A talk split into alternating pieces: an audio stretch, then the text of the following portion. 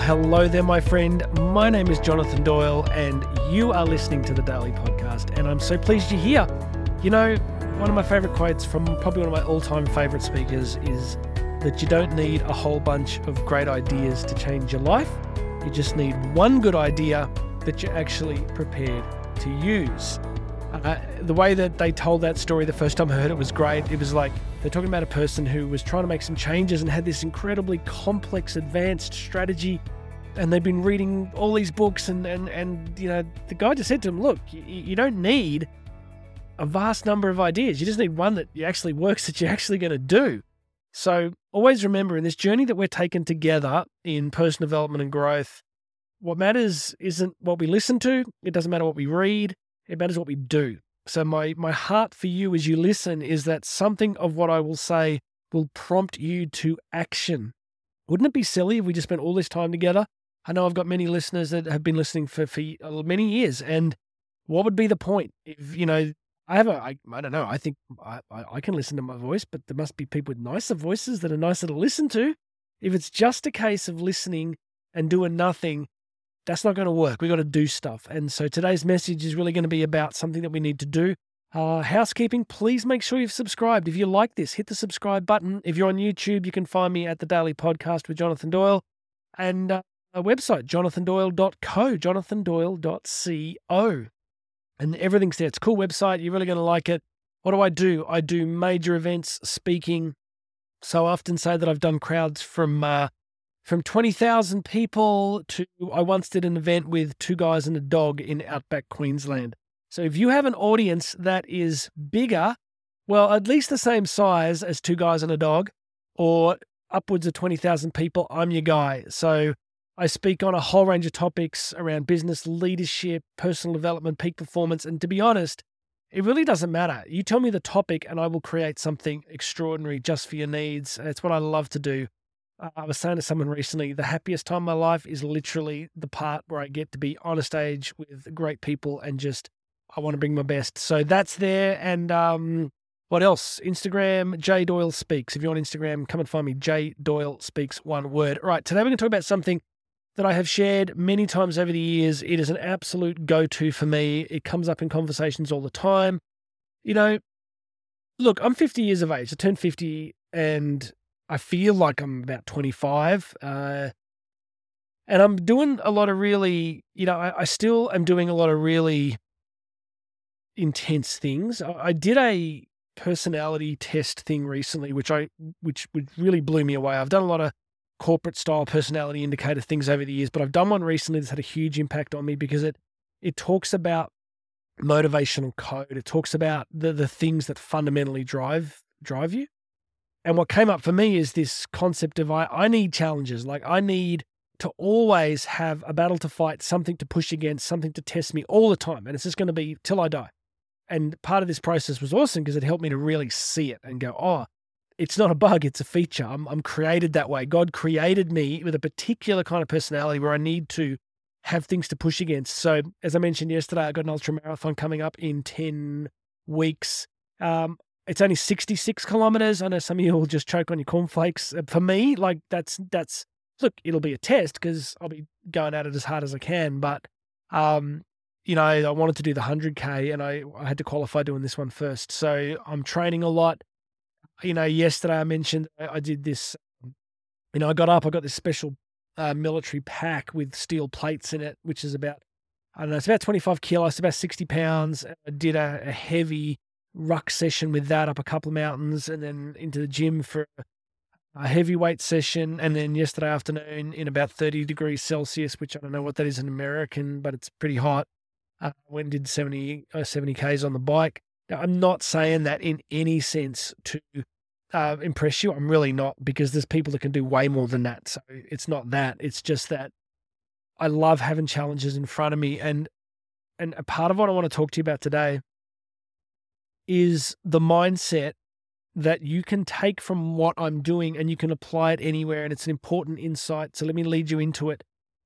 And I'll lead you into it with another example, which was well, let me, let me spell it out for you. Let me, let me give you the idea and I'll give you some, some more examples. What I really want you to understand is that if you want to start to change something in your life, now, maybe you're carrying too much weight or you're unfit and it's been nagging you for ages and you know you want to get in shape. Or let's just say your financial management is atrocious and you're always stressed about money and you're in debt and it's just wrecking you, right? And you want to get on top of that. Or maybe your relationship, you're, you're in a relationship and it's not going too well. Or maybe you're not in a relationship and you're lonely and you want to change that. So, what I need you to understand is that we are designed, in some sense, to avoid change. I've taught this for many years. In, in terms of evolutionary biology and evolutionary psychology, we are a species that figured out that the most important thing we could do in terms of keeping our genes alive in sort of the evolutionary process was to not die. So, so, so the number one impulse of the human animal, not the human person, but the pure, you know, looking at us as a purely biological species, the number one thing is not to die, right? So to avoid death is kind of like, you know, get up in the morning, checklist, avoid death, tick. Right. After we've avoided death, we might try and make sure that we have enough to live. So we look for food and we would hunt and gather. And then, you know, you look at reproduction, all that sort of stuff, right? These are the basics, right? We needed to, but basically what our, our minds evolved to do was to keep us as safe as possible to make sure that we maximized safety and security. So I often joke that, you know, we, in the personal development motivation space, we often talk about, you know, the amazing things that people do.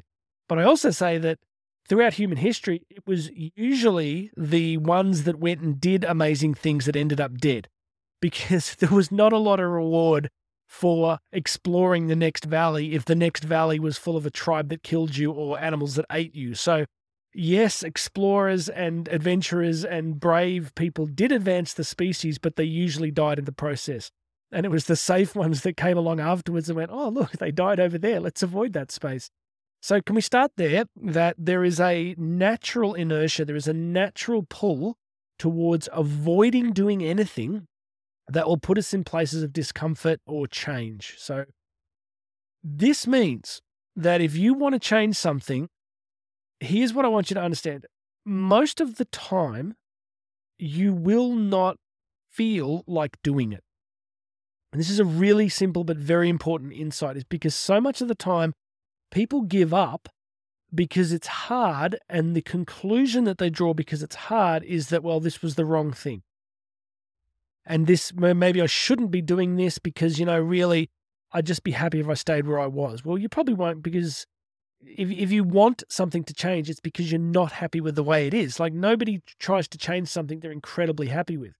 Like if you have the most perfect life in the world, there's not a lot of desire to change it, right? But there is something about us as human persons that we constantly do seek change and growth. So, where does that leave us? And what is the essential message I want you to get from today?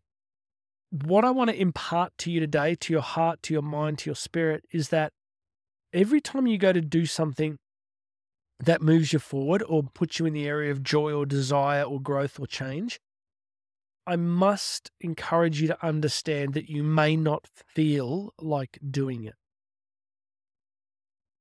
Now, I, I don't know whether I should have done a drum roll for that or trumpets or something because it I don't know how profound that sounds, but once you really begin to understand that on one level you want to change, but there is a very strong force that wants to keep you exactly where you are. So let me give you a practical example from today. So I don't know if you've been hearing the last couple of days of episodes, but today, you know, I took one of my daughters surfing.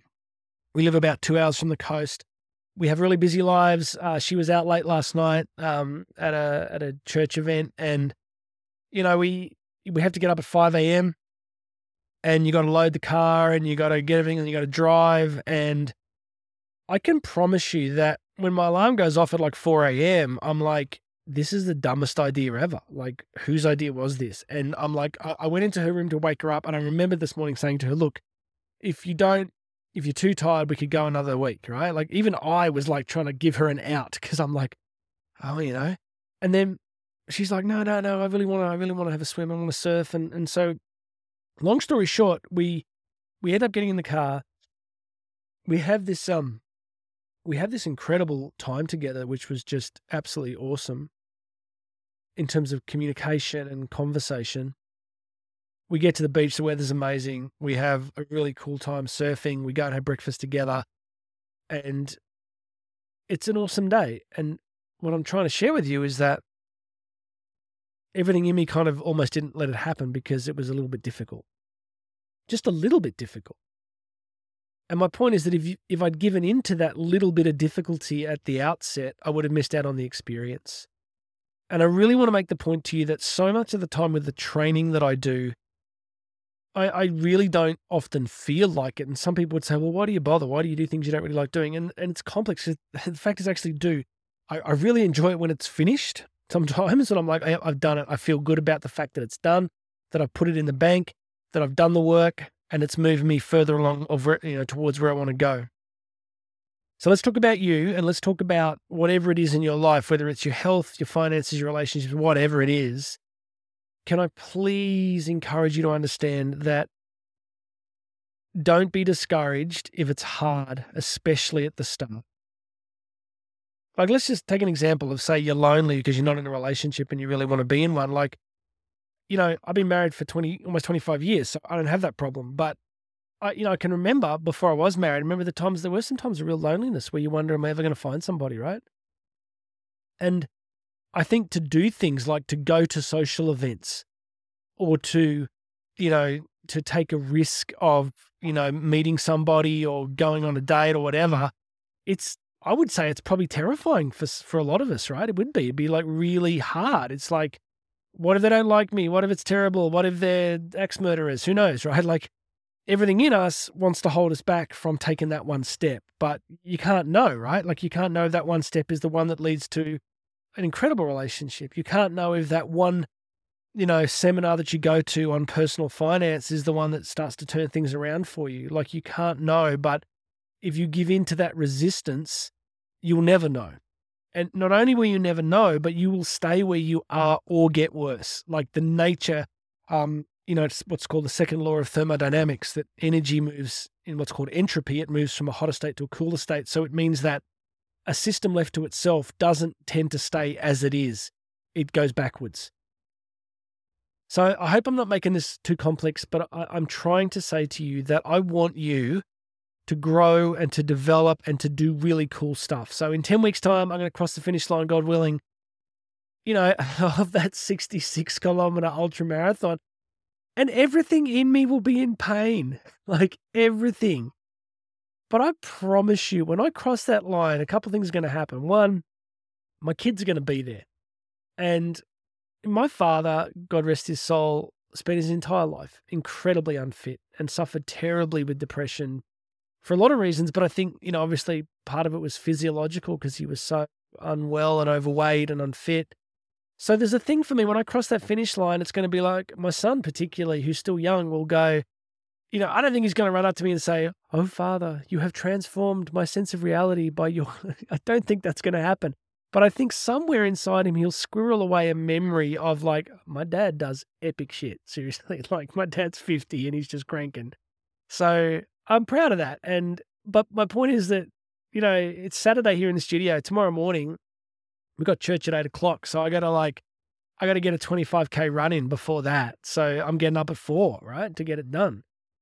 But I'm not going to wake up at like quarter to four tomorrow on a Sunday going, oh, this is the greatest thing ever. I can't wait to get out there. I'm going to be like, oh, I promise you, my thought process will be, I don't need to do this. This is stupid. I'm, my body's tired. I should sleep. I get rest. I'll just have another day off.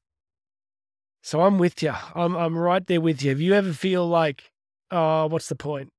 The point is that you know, like Helen Keller said, life is a daring adventure or nothing. You either got to get in the game and take take your shots, or or just give in to staying exactly where you are. And that's not what I want for you, and it's not what you want for yourself. Just stop there because I'll just keep going forever. Uh, summary: It's just this. Cool stuff will usually be hard to do at the start. And it just takes pushing through at the start and facing the inertia or the fatigue or the fear. And once you're through, you're going to love it. All right, that's it for me today. God bless you, my friend. Uh, come and check it out. Website jonathandoyle.co, Instagram J Doyle Speaks. Please subscribe to the podcast. You'll find me on YouTube. Reach out Let's do something. Let's make it happen. My name's Jonathan Doyle. This has been the Daily Podcast. You and I are going to talk again tomorrow.